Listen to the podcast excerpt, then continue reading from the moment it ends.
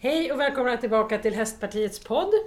Idag sänder jag ifrån riksdagen och med mig har jag några gäster. Jag har Felicia Wu som är min prao. Hej hej! Och sen har jag Marlene Lund Kopparklint från miljö och jordbruksutskottet. Hej hej! Och sen har jag Petra Wingefors, veterinär från Karlstad. Hejsan! Hörrni, det är ju massa saker som händer runt omkring oss nu i Sverige, både politiskt men väldigt mycket som också påverkar hästnäringen. Så det ska vi prata lite om idag. Men jag tänkte först här, Marlene, kan inte du berätta, vem är du? Och, ja, vem är du egentligen?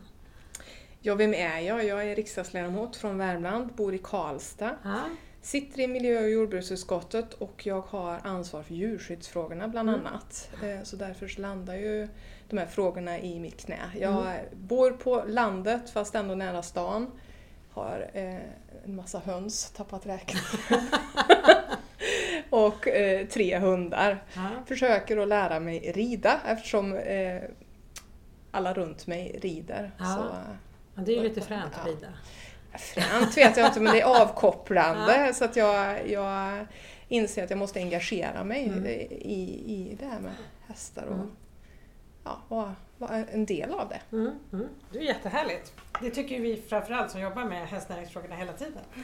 Vi Mm. behöver flera, mer häst åt fler. Ja, jag driver ju de här frågorna Ja. så då tycker jag att då måste jag väl också kunna klara av att rida på en häst också. Ja, ja, men det är inte alldeles enkelt alla gånger. Det finns ju mycket fix och tricks. Framförallt det är ju ett halvt ton eh, djur som man ska hantera. Mm. Det, det ehm, kräver ju sin eh, kvinna, eller sin man. Petra, vem är du då? Veterinär i Karlstad, men mer, berätta. Ja, jag, är, jag bor också på landet. Eh, Jag har en hästgård och eh, vi bedriver ja, tävlingsverksamhet, avel av både västernhästar och hopphästar. Det är jag och dottern som håller på mest. Och har ja, diverse andra djur som är hemma på en gård. Jag har också höns till exempel, och hundar och katter och, och så. Det blir lätt några djur. Mm. Har du några favoritdjur? Häst. Mm. Ja, det men, säger jag inte bara för att jag är med i den här podden. Det men har du alltid varit hästtjej? Ja, Mm. ja, så jag var liten. Mm. När man är veterinär sådär, du är både smådjursveterinär och, och hästveterinär va? Mm. Är det vanligt att man är både och eller vad, hur går utvecklingen i veterinärbranschen? Eh, det är väl ganska olika. En del blir mer nischade. Jag har försökt att ja, vara kunnig på mina favoritdjur. Eller från början skulle jag bli ren hästveterinär. Hamnade på smådjurssidan för det var väldigt roligt och mycket kirurgi och så. Eh, så då blev jag där i ganska många år. Men sen Mm. har jag även hållit på med hästar så att ja, jag kan det med hyfsat bra. Mm. Men du jobbar inte på klinik utan du har egen firma och eh, är liksom, vad säger man, kringåkande veterinär?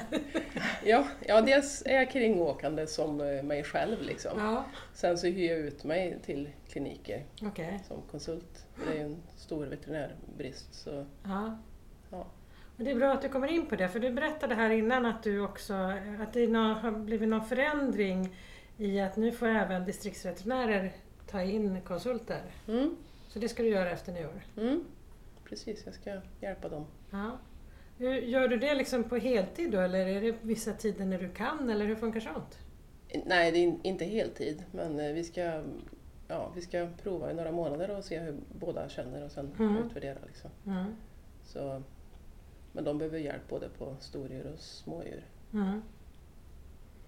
Marlene, du som sitter i miljö och jordbruksutskottet, nu har man ju precis haft en granskning. Det är Riksrevisionen som har granskat eh, det här med veterinärdelen här i riksdagen, hur man jobbar med det. Vad, vad kom man fram till och, och vad har ni sagt för Moderaternas håll? Nej, men man kom ju med eh, kritik precis som vi har fört fram eh, under flera år nu eh, från Moderaternas sida. Att det inte finns tillräckligt uppföljning, avsaknad av tillräcklig uppföljning och styrning när det gäller att upprätthålla god veterinär i hela landet. För det finns Mm. ju ett, ett beslut i det. Och det är den här granskningsrapporten. Eh, och regeringen har helt enkelt inte följt upp ett beslut som är från 2009 och där man då ser flera brister. Eh, men framförallt att det är en veterinärbrist Mm. generellt och det är ju inte bara smådjur utan det är ju lantbruksdjur och det här är ju ett, vad ska man säga, ett, ett, fler, eh, ett flerfacetterat problem. Eh, Dels att det inte finns tillräckligt mycket utbildningsplatser på SLU Mm. men, och, och söktrycket är ju jättestort. Det är Mm. många som vill bli vet- veterinärer. Men det, så att man skulle kunna tycka att man kan utöka de plats, platserna Mm. på ett enkelt sätt. Mm.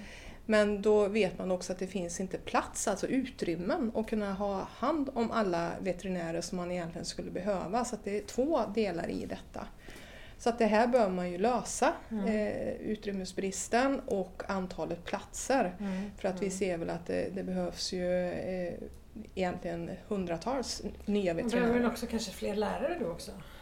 Man behöver fler lärare, alltså det är väl det, förstå mig rätt, det minsta problemet. Mm. Ehm, Men, men för först och främst så måste man ju öppna den här flaskhalsen Mm. Mm. så att det finns eh, platser.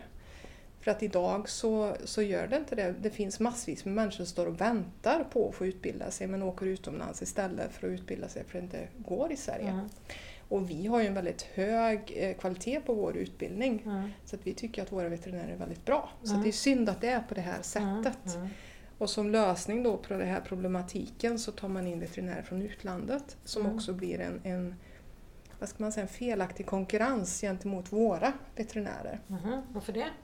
Nej men de går ju in och, och kanske inte kräver lika mycket i lön som en, en svensk veterinär skulle Mhm. göra och idag så är ju inte lönebilden den bästa för en utbildad veterinär i grund och botten. Mm. Ingångslönen är inte alls hög eh, och då kommer det en veterinär från utlandet och kanske ja, kräver mycket, mycket lägre. Mm. Eh, vilket gör att det blir en, en, en konkurrens också Mm. på, ett, på ett sätt som man kanske skulle kunna undvika. Mm. Så att det, det, det finns flera problem i det här och mitt uppe i allt så står ju lantbruket och djurägarna och, och blir lidande. Vi har Mm. sett att djursjukhus stänger, de är inte öppet på sommaren, eh, man kommer in med sin hund, ett riktigt tik, får inte komma in, kanske åka 20 mil till, Mm. ja, till, till en klinik som är öppen. Eh, och, och Lantbruket är oerhört viktigt också, Mm. eh, men där finns det heller inte distriktsveterinärer att få tag på. Mm.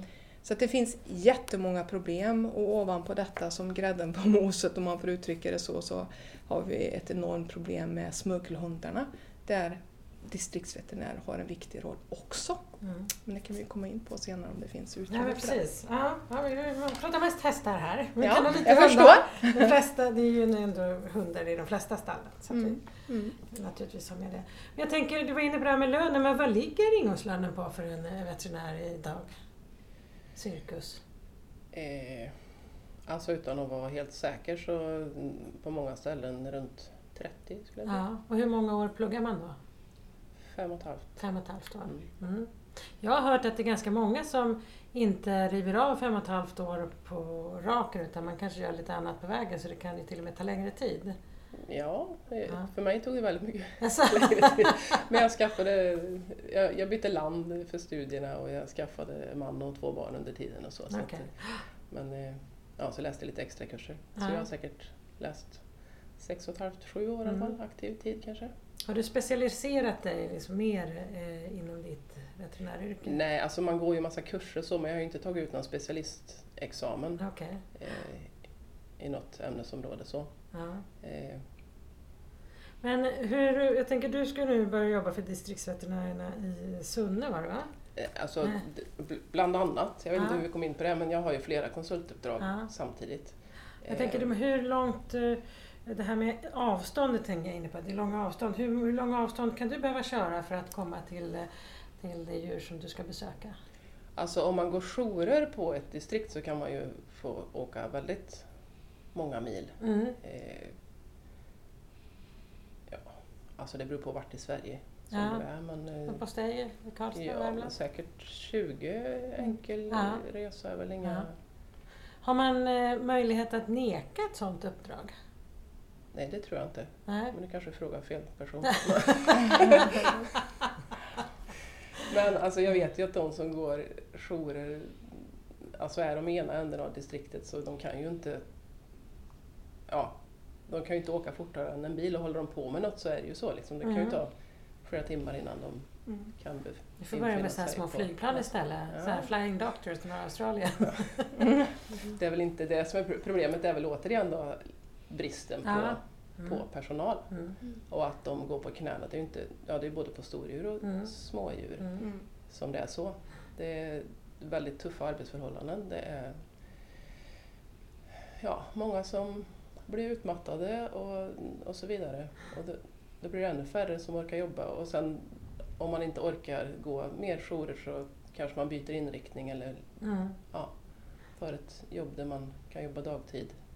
Eh, Jag tänker, ni ju, åker man, då åker man ut som veterinär, ni kan ju egentligen inte ställa så mycket krav på vad som ska finnas på plats, eller hur? Ni kan komma upp till en dåligt upplyst eh, lagård med, eh, där det inte är så varmt eller liknande. Eller? ja, Hur ser ja, det ut? jobbar du ute i fält så är ju Mm. absolut förhållandena så. Mm. Och det finns ingenting som man kan ställa som krav som veterinär, jag kommer men ni måste se till att det finns varmvatten och belysning. Jo, eller- alltså visst, man kan ju ha massor av önskemål och Mm. det, är ju väldigt olika hur, ja, hur service-minded, eller Mm. ja, vad, vad, de, vad de kan och vad de vet Mm. också kanske när man kommer fram. Liksom, de som är vana Mm. att ha ut veterinär Mm. vet ju vad som behövs. Det blir mycket enklare om allting Mm. finns på plats såklart. Mm. Med varmvatten och ström framdraget och sådär. Men som det var nyss med minus 20 grader så är det ju inte så Jättekul alla gånger. ja. Men eh, hur ska man då, man behöver få flera personer att gå skolan. Men det där är någonting som jag har funderat över, jag vet inte om du kan svara på det Malin, men alltså det, alla vill typ, alltså eller inte alla, men väldigt många när jag växte upp i alla fall, då ville man bli veterinär. Mm. Och sen kom jag på, nej men alltså då måste man ha femmor som det var då då, eller A eller vad det nu är för någonting. Man skulle ha högsta betyg i alla ämnena för att kunna eh, läsa till veterinär. Och det förstår man ju när det finns så få platser, men om man nu skulle liksom öppna upp för fler platser ehm, skulle det liksom urvattna kvaliteten eller tror ni att man ändå skulle kunna hålla samma höga Mm. kvalitet eh, och, och ha redan rätt personer som kommer in och blir veterinär? Det tror jag. Ja. I och med att det finns personer som vill gå idag Ja. så tror jag att det, det kommer inte att vara något problem. Sen så tror jag också som det här är ju en, som jag ser det, samhällsbärande funktion Mm. som vi måste egentligen värdera lite högre än vad vi gör. För det man ska veta om, eh, Petra var inne lite på det, det är ju också att det här är ett, ett yrke som är mer och mer utsatt. Där vi ser att psykisk ohälsa ökar och suicid ökar inom den här yrkeskategorin. Och då kan man ställa sig frågan varför ser det ut så här? Och det tycker jag är en väldigt central fråga. För att om, om det här yrket får så dåligt rykte som, som det riskerar att få, Mm. man söker till det här och vill bli veterinär, men nej, det är dålig eh, lönebild, det är dåliga arbetsförhållanden, eh, det är påfrestningar som gör att man lider av psykisk ohälsa och allra värst då kanske begår suicid. Då måste man ju ställa sig frågan från staten, vad, vad beror det här på? Och det är ju olika delar i det. Eh, Det är ju heller inte ett enkelt svar på den frågan, men idag så ser vi också att djurägare ställer ju väldigt, väldigt mycket krav på en veterinär Mm. eh, och ifrågasätter veterinärens bedömningar och, och kanske ligger på på ett annat sätt eh, mot vad man har gjort tidigare. Och det beror ju på att man har Google, man har googlat sig till olika lösningar. Det vet man ju själv när man ska gå till läkaren och så, så liksom googlar man innan vad kan det vara för fel på mig? Och så ställer man hundra frågor till läkaren eller ifrågasätter bedömningen som görs. Och så är det ju även för, för veterinärer, Mm. eh, att man liksom är väldigt nära. Men veterinärer har ju liksom allt ifrån behandling initialt till att man ska ta, fatta ett, ett svårt beslut. Mm. Och det är väl det svåra beslutet där som gör att det kan bli en, en diskussion som kan bli oerhört jobbig. Där man inte har liksom något skyddsnät runt om som man kanske har inom sjukvården. Mm. Mm. Där tror jag att man behöver jobba mer på att stärka upp skyddsnätet runt veterinärer eh, tillsammans med det som ni var inne och pratade om nu, att när man kommer till en plats, hur, hur ser servicen ut? Mm. Mm. Jag hörde om en kvinna som hade byggt om en husbil till ett, ett litet djursjukhus och åkt Mhm. runt Mhm. och, och hjälper till. Jag försöker att luska reda på vem detta är för jag vill väldigt gärna träffa den Ja, här vad personen. Men där det finns liksom eh, allt som man behöver, redskap för att kunna utföra mindre operationer och så här. Mm. Men jag tror att vi måste börja, börja tänka om eftersom människor värderar sina hästar eh, alltså som en familjemedlem Mm. Mm. mer än vad man har gjort tidigare. Och vi måste också få veterinärer som vill jobba med stora djur. Mm. Vi ser också en trend att man bara vill jobba med mindre djur. Inte lantbruksdjur eller hästar och så där. Så det är, Är det för att eh, arbetet blir för tungt eller? Eh, alltså jag vet inte om jag har hela svaret på det Nej, men, men du ur, ur min eget perspektiv så tycker jag att visst, det, självklart är det ju väldigt bekvämt att vara inne på en klinik i värme där du har allting Mm. inom räckhåll, du har liksom sköterskor, hela den biten. Eh, men det där är ju, olika människor gillar ju att jobba på olika sätt såklart. Men det är ju också härligt att åka ut, det är en helt annan frihet att komma ut Ja, till ett stall. Ja, Mm. så det är väl både bra och dåligt med. Men det här med att vara utsatt som veterinär måste ju vara oerhört svårt och hemskt. Tänker idag med sociala medier och så också. Mm. Det, eh, jag vet ju bara hur snacket har gått i de stall jag har stått där. Nej men åk inte dit, åk till den istället. Nej, åk till den för den är jättedålig. Eh, det måste ju vara svårt det här med ryktesspridning om, eh, om man, eh, vilken veterinär man ska gå till och hur man ska förhålla sig till det. Mm.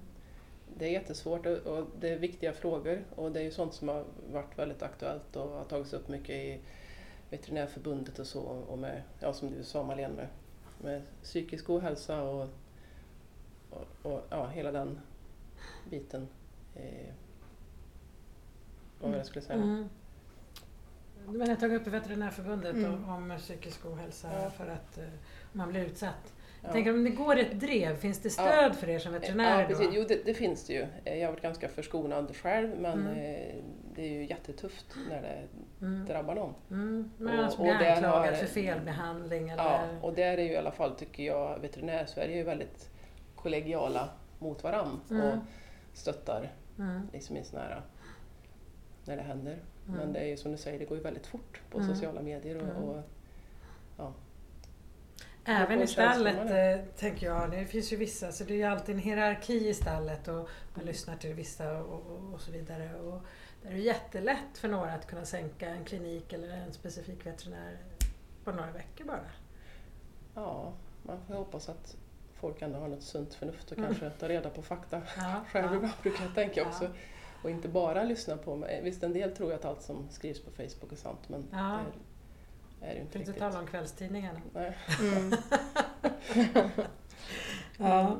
Men eh, när vi, om vi går tillbaka till det här med långa avstånd. Sverige är ju ett väldigt långt land, avlångt land. Jag läste en eh, artikel om en eh, dam som hade en häst som hade något trassel med benet. De fick i slutändan avliva den för att där hon bodde fanns ingen distriktsveterinär eller, just då. Och försöka ta kontakt med den andra och fara över någon gräns. Det var väldigt svårt och det tog väldigt lång tid innan hon fick hjälp. Hon fick aldrig ut någon till, eh, till gården utan fick lasta en trebent häst till slut och, och komma iväg. Finns det inga liksom Vänder jag mig till dig Marlene, så jag vet ju att Riksrevisionen kritiserar det här med styrning och ledning eh, i, eh, ehm, till Jordbruksverket och liknande. Finns det inga liksom regler för att det måste finnas en veterinär? Jo, men det är ju det beslut som fattades eh, 2009 om statens åtagande om säkerställande av veterinärservice. Så att där har man ju, alltså det, jag kan inte bara skylla på den här regeringen, men vi, alltså, det är ju den här regeringen som har det yttersta ansvaret för det är nu veterinärbristen har Mm. liksom skapats under den här regeringens styre. Mm. Så att det, det är ju därför man, jag eller vi ändå vill peka på vad man måste göra Mm. för att, att rätta till det här problemet. Mm. Och det, jag vill ändå betona att det är inte bara veterinärer. utan det är också djursjukskötare som Ja. behövs. För Mm. att om inte en, eh, som, som Petra var inne här, nu åker man ju ut mycket om man, om man tänker på hästsjukhus och djursjukhus, om man inte har djursjukhus som kan serva och, Mm. och bidra, alltså då står det ju still också, även om veterinären kan göra sitt. Om man ska göra en operation så behöver man ju en narkossköterska eller en som står bredvid och, och Mm. kan ju inte jag begreppen, langar verktyg. Nej men ni förstår vad jag menar. Eh, det behövs ju Ja, den, den liksom basen. Ja. Så därför behöver man ju också jobba med att utvidga de utbildningarna. Ja. Eh, djursjukskötare och djurskötare på gymnasial nivå. Ja. Så att det, det finns så mycket i det här, så många fel som behöver rättas till. Ja. Men det är inte omöjligt, bara man vill ta i frågan. För jag tror att eh, om vi har den här situationen som vi har haft de senaste två somrarna, där vi ser att hästsjukhus stängs, smådjurskliniker stängs. Man står där med sin, sin eh, älskade medlems, Mm. alltså familjemedlem i fång och inte får hjälp eller man är tvungen att avliva sin Mm. häst för att det finns ingenting att göra för Mm. att veterinären får rest för långt, alltså restiden är för lång. Mm. Mm. För det är inte som en ambulans att man får köra liksom i 190 för att komma fram till platsen. Tyvärr får jag väl säga, för, jag, ja, Mm. för man, man betraktar ju ändå sin häst som en, familjemedlem. Ja, visst. Så det finns så mycket i det här som jag, jag tror att man måste ta på allvar. Mm. Eh, och, och jag tror att trycket ifrån djurägare, lantbruk, hästägare, hundägare, kattägare, det- det måste bli hårdare Mm. helt enkelt. Man måste bilda opinion i den här frågan eh, tillsammans med veterinärer och det, och det är det man försöker att göra. Hur ser det ut? Jag tänker i, i somras eh, när jag hade halt häst så, så var ju Metacam slut i, i hela Stockholmsområdet och jag tror i nästan hela Sverige. Hur ser liksom, eh, är det din bild också Petra? Det har varit mycket som har varit restat och Ja. svårt att få tag på. Ja. Eh, och då undrar jag, eh, Marlene, hur ser liksom beredskapsplanen ut egentligen för djurmediciner och, och liknande? Det var ju också någonting som vi behöver säkerställa om det blir Mm. pandemi eller någon annan kris eller krig. Ja, man kan ju inte ge eh, djur samma läkemedel, eh, att till viss del kan man säkert göra det, men inte vad som helst. Eh, Och det är en sån här fråga, en, en beredskapsfråga som vi nog måste lyfta ifrån vårt parti Mm. lite hårdare. För att det finns så mycket som vi har sett att det finns brist på som vi inte ens har tänkt på, särskilt under pandemin. Mm. Jag menar, nu börjar jag säga avstickare, men ta kemikalier till att rena vatten. Mm. Dricksvatten. Det har vi heller inte haft någon beredskap Nej. på. Så att det här med läkemedel och djurläkemedel det är någonting man kan lägga under eh, djurskyddsområdet och någonting som jag kommer att jobba vidare med. Mm. Men man kan ju börja med att faktiskt ställa en fråga till landsbygdsministern hur, hur de ser på det. För det är ändå de som kan försöka göra lite quick fixes och ändå ha det i beredskap. Mm. För det är en ytterst viktig fråga för det handlar ju också om att- att minimera lidandet för våra djur. Precis. Det är så oerhört viktigt. Mm. Finns det några så här, kommer det komma ekonomiska och psykologiska konsekvenser för eh, eh, folk i allmänt, speciellt i lantbruken om det fortsätter den här negativa utvecklingen av veterinärer? Ja, men, ja, så, ja, Ja. absolut. På vilket Eh. sätt? Och eh, i hur stor skala? Nej, men om man tittar på livsmedel, livsmedelsförsörjning, lantbruket, hur viktiga eh, veterinärerna är där. Jag tänker när man ska slakta, om det inte finns veterinärer som kan komma på plats och, och vara med under den proceduren, eh, så, så stannar ju liksom den eh, processen också. Eh, så att det, det finns så mycket olika exempel på vilka konsekvenser det får. Eh, psykologiskt sa du, ja, alltså hur, utveckla lite mer. Men att eh, om... eh, För jag har lärt mig att passion för hästar, Mm. speciellt och djur, det är väldigt starkt. Mm. Eh, Så man måste, om bristande veterinär, då Mm. måste fler djur avlivas. Kan, Mm. eh, Ja, du tänker så. mm. Nej men absolut, helt rätt och det var det jag är inne på eh, tidigare också. Det är då den här frustrationen kommer. Eh, gentemot eh, veterinären som kanske behandlar ditt djur som säger att nej men tyvärr det här är för sent. Mm. Vi, vi, du måste fatta ett beslut. För det är ju ändå djurägaren som måste fatta det slutgiltiga beslutet och sen så mår man jättedåligt över det här. Eh, Det, det är väl ungefär som när man får en, en hund påkörd, påkörd, att man hela tiden ifrågasätter vad, vad kunde jag ha gjort? Fanns det någonting jag kunde göra? Var det mitt fel? Och, alltså, såklart, Mm. om man förlorar en, en kär vän, Mm. att det får de konsekvenserna. Det blir väl också kanske i förlängningen, tänker jag, att det blir färre och färre som bedriver jordbruket Mm. för att det inte finns det, Mm. de möjligheterna runt omkring som behövs för att faktiskt också leva upp till djurskyddslagarna som Mm. vi har. Eh, Och då kommer jag in till en fråga till dig Marlene, för att det har kommit upp här under det här året vi har kört den här podden och pratat mycket hästar, att det kom upp ett förslag som jag faktiskt har lagt in som förslag. Att om man, eh, det är sommar och det är varmt, eller det är varmt oavsett årstid, men det är ju mest varmt på sommaren om det någonsin blir varmt i det här landet. men nu säger vi att det blir varmt. Eh, Och man kör häst, eller man kör djur helt enkelt i transport och man hamnar i en eh, krock eller liknande. Att det borde vara tillåtet att få köra djurtransport i bussfil. Mm. Vad tror du om det, du som är djurskyddsexpert? Vore inte det fiffigt? Jo, Ja. Ja, men jag kan ju bara svara ja på den frågan. Vad ska jag säga? Absolut! Ja. Nej men det, det tycker jag väl låter rimligt. Ja. Att man ska, men det, och, det kan man ju säkert lösa på något sätt.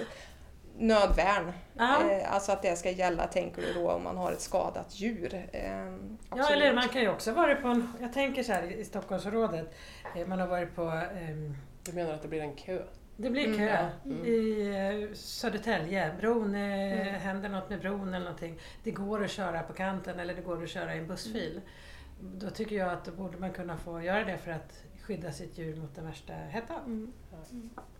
Jag vet inte vad lagen säger där med nödvärnslagen. Inte jag heller. Jag alltså. hade, Nej, nog, jag, hade eh, jag hade nog inte frågat kanske. Nej.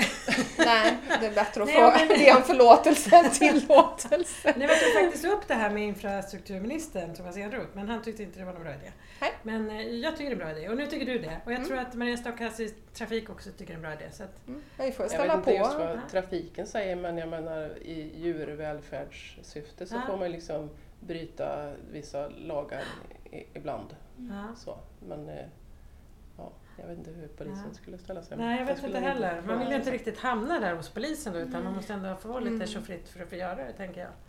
Ja, ja, vi får jobba vidare med den frågan. Mm. Eh, Petra, vad är det bästa med att vara veterinär? Ja, det är ju kontakten med djuren. Ja. Har du alltid velat bli veterinär? Ja, Ja. ja men jo. Det, det var ett av de yrken som, som jag sa Ja. liksom, när jag var liten. Så. Ja. Veterinär eller militär. Lite... Det passar ju bra, jag sitter ju i försvarsutskottet också. Utan vad är det i alla fall? Ja. Men du, har du någon sån här historia, den så här konstigaste eh, djuret, eller skadan Ja, som du har varit ja. med om? Eh, nej men gud. Eh, jag vet inte vad jag kan berätta här i, i podden och inte... Det blir...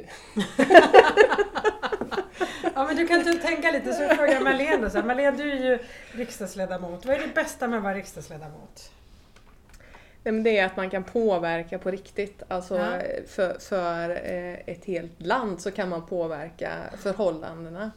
Eh, göra världen till en bättre plats att leva och bo på Mm. brukar jag säga. Det låter ju Mm. väldigt så här, klyschigt Mm. men det är klart det är så. Eh, bara ta den här frågan att ja, men vi, vi, vi lyfter att det finns en veterinärbrist och Mm. hur kan man åtgärda det och vi går verkligen in och gör en djupdykning i frågorna och lyfter upp det. Mm. Och det är en sån här fråga som kommer ifrån svenska folket i grund och botten, att man Mm. har reagerat Mm. på att någonting inte stämmer och lyfter upp det till vår nivå. Mm. Och då är det ju vår roll som majoritet eller opposition att agera på det, de sätten vi kan. Så det är ju att förvalta det, Mm. vad ska man säga, det, det vackra uppdraget som, som Mm. vi ändå har fått. Har du alltid velat bli riksdagsledamot? Nej, det har jag faktiskt inte alltid velat eh, bli. Nej. Utan det är någonting som har växt fram under tiden som jag har varit politiker. Jag var ju Mm. kommunalråd förut och tyckte det var ett helt fantastiskt uppdrag Mm. att få jobba nä, mer nära om man säger eh, kommuninvånarna och sen så har ju det växt fram med att vara riksdagsledamot. Mm. Man har velat tagit ett steg till. Det som Mm. inte funkade, som man inte kunde påverka när man var kommunalråd. Eh, det kunde man eh, åtgärda om man skulle bli riksdagsledamot. Så att det var ju den. Fantastiskt.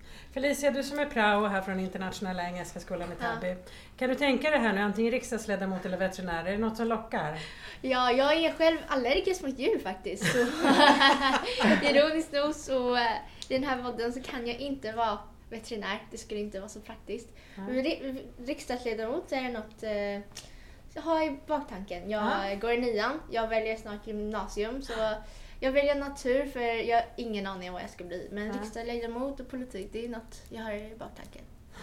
Spännande. Jaha Petra, har du kommit på något konstigt som du kan dela med dig av? Eh, nej, men jag tänkte en annan fråga du hade förut om Ja. hur man ska göra ett urval. Om man ska ta in fler veterinärer Ja. så bara tänkte jag på det att det var ju så eh, när jag sökte, vilket var ganska många år sedan nu, att de hade antagningsprov. Vilket jag tyckte var en väldigt bra idé. Och det har de ju även mycket utomlands. Då Alltså har typ de ju en, lämplighetsprov? Ja precis, då liksom har de en större tratt där de tar in och sen Mm. så kan man ju, ja, och så tar du fram lämplighet på andra sätt. Det är ju fiffigt. Ja. Just för att man kanske inte är bäst i klassen, Nej. men alltså rent eh, Mm. siffermässigt, Ja. men eh, kan vara oerhört lämplig ändå. Mm. Ja. Smart! Mm. Är det något man skulle kunna fixa, Marlene? Ja, vi kan väl absolut titta på den frågan tycker jag. Ja. och lägga in det i, i vår kommittémotion. Som det ser ut idag så är det ju 15 sökande per plats Mm. som finns. Mm. Så att kapaciteten att få in folk, det är inga problem med. Nej. Om man då kan göra på det här sättet eh, för att snabbare få igång det, så, eller få folk på sin plats, Mm. så tror jag det är en bra Och, och lösning. det man behöver är ju folk som vill jobba kliniskt Mm. framförallt. För det finns ju många, många, många tror ju att det enda man gör som veterinär är att bota sjuka djur, men du har ju mycket större arbetsområden än så. Men den stora akuta bristen är ju ändå med kliniska veterinärer.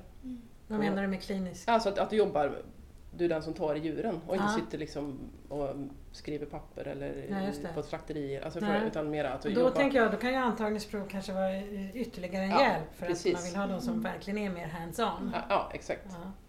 Så. Och lantbruksdjur. Ja. Det skulle jag ändå vilja trycka på för att vi ser att, att man bara vill jobba med små djur. Ja. Och det är så otroligt viktigt att man, att man faktiskt tittar på den frågan mer skarpt och, och viker av platser för det och uppmuntrar till det tror jag är oerhört viktigt. Ja.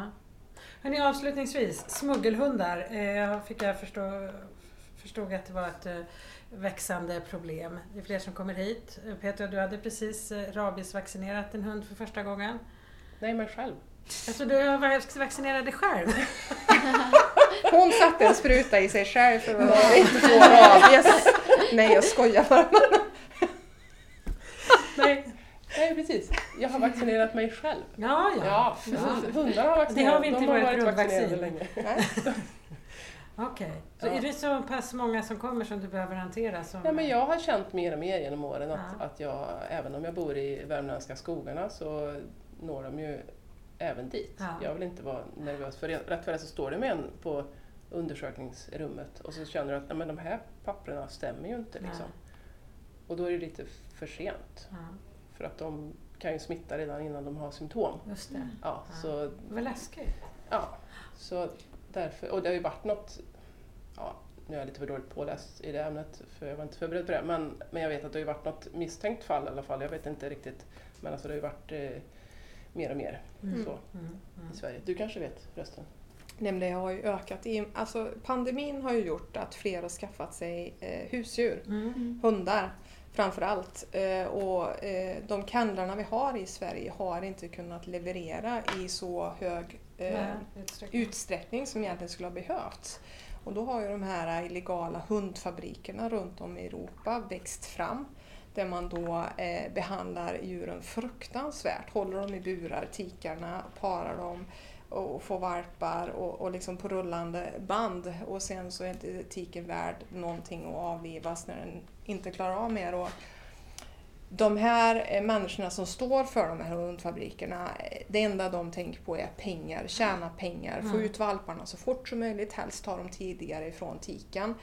Och det är mycket smitta som är där på Mm. sjukdomar som vi har haft borta från Sverige under många, många år. Mm. Och där är rabies ett av de, en av de sjukdomarna som vi har, har liksom fått in fall på. Eh, som jag har fått uppgift om då. Och då är det ju oerhört viktigt att man har det här säkerhetstänket. Och varför jag sa förut veterinärbristen, varför det påverkar hundsmugglingen, det är så här att när det kommer in en bil till Sverige med papper som ser ut att vara i sin ordning men man har en misstanke från Tullverket att det här stämmer inte. Det här är hundsmugglare. Eh, och de här hundvalparna är i så dåligt skick så att man skulle egentligen behöva avliva dem eller åtminstone att en veterinär tittar på dem. Då måste en, en distriktsveterinär komma på plats Ja. och fatta det beslutet för det får inte tullen göra själva. Och finns det ingen veterinär att få tag på, vilket vi förstår nu att det Mm. ofta inte finns, då måste man släppa den här bilen med de här hundarna i. Och så tar de en Men annan väg in. Ja. Ja, de kan Ja, det, det får, Alltså man släpper inte in dem i landet, de åker Nej, ut och så ja, åker de via Man släpper dem tillbaks. Ja. Man säger ni får inte komma in till Sverige, men man släpper dem. Mm. Eh, och sen så hittar väl kanske de här hundsmugglarna en annan väg in Mm. i landet och, och så sätter de ut annonser på Blocket. De hyr ett hus någonstans så att allting ser ordnat ut Ja. som en hundkennel och så säljs de här hundarvalparna. Och man vet inte vad de har för bakomliggande sjukdomar, arvet och, och, och de här delarna och de är i oftast väldigt, väldigt dåligt skick. Eller så får en stackars veterinär stå och avliva en hel Ja. kull med stackars små söta Ja. hundar för att det är liksom det som behöver göras. Mm. Äh, Fy Fabian! Jättetragiskt. Och det är de här bilderna vi har sett eh, Mm. där det ligger liksom jättemånga hundar uppradade som man har varit tvungen att avliva. Och, och det är ju för att de här hundvalparna har, de, de är ju lidande. Mm. Och, och, Och att man de, vet ju inte vad Nej. de bär på heller. De Nej. inte gjort liksom, vi måste ju ta det beslutet. Ja. Om det är någon hundägare som lyssnar, skulle du rådgiva dem att kolla med en veterinär först om de skulle köpa en ny hund eller något sånt? Nej, men jag brukar säga så här, sunt förnuft. Eh, om det är en hund som är för halva priset mot vad den skulle kosta i Sverige, Mm. då kanske det inte är en hund som man ska köpa. För varje sån hundvalp som man köper, då bidrar man ju till de här hundfabrikerna. Mm. Att de kan leva kvar. Sen kan man ju tycka att det är fruktansvärt och Mm. ledsamt och det gör ont i hjärtat. Man ska ju helst hälsa på eh, uppfödaren hemma hos uppfödaren och se etiken med Mm. valparna Mm. och inte bara liksom få en valp levererad någonstans. Mm. Förstår du? Ja. Utan, och det gör ju de seriösa uppfödarna, brukar alltid ta hem köpare Mm. så man får träffa dem innan och, och så vidare. För de vill också sälja till någon Mm. bra. Så det är liksom det, ja, det normala.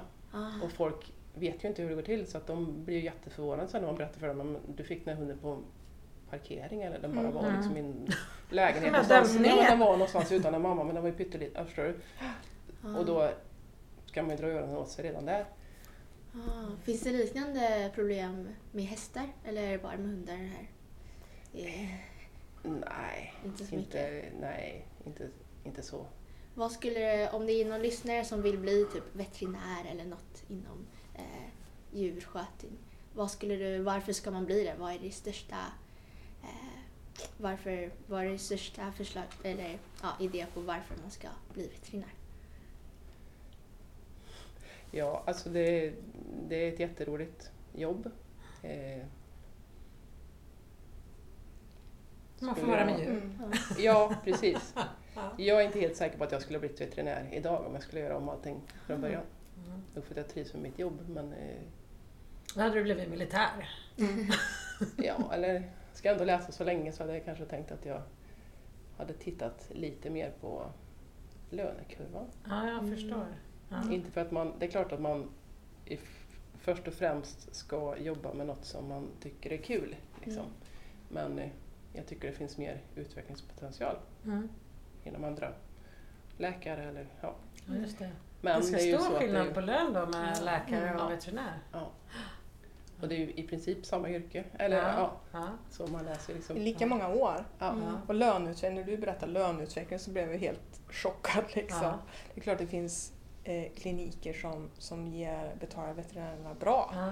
Men det är långt ifrån vanligt Ja. Alltså det Och är jag mer tror att ovanligt. Det, jag tror att det börjar vända uppåt lite kanske. Mm. Men, eh, men det är ett fantastiskt jobb. Mm. Och, ja, jag skulle ändå inte byta det. Nej, jag förstår, vad häftigt. Hörrni, stort tack för att ni var med i podden idag. Det var jätteintressant och vi får hoppas här nu att vi får till fler veterinärer. Alla ni som lyssnar, gå in och sök nu till veterinären. Även om vi har många sökande. Så Marlene här jobbar ju nu i miljö och jordbruk för att vi ska få till mer, eh, fler platser, mer pengar till fler platser. Och att vi också kan säkra upp eh, styrning och ledning så att det faktiskt faller ut eh, bra. Och ehm, vi får också passa på att önska en eh, god jul och gott nytt år. Tack för idag! Tack själva. Tack så mycket.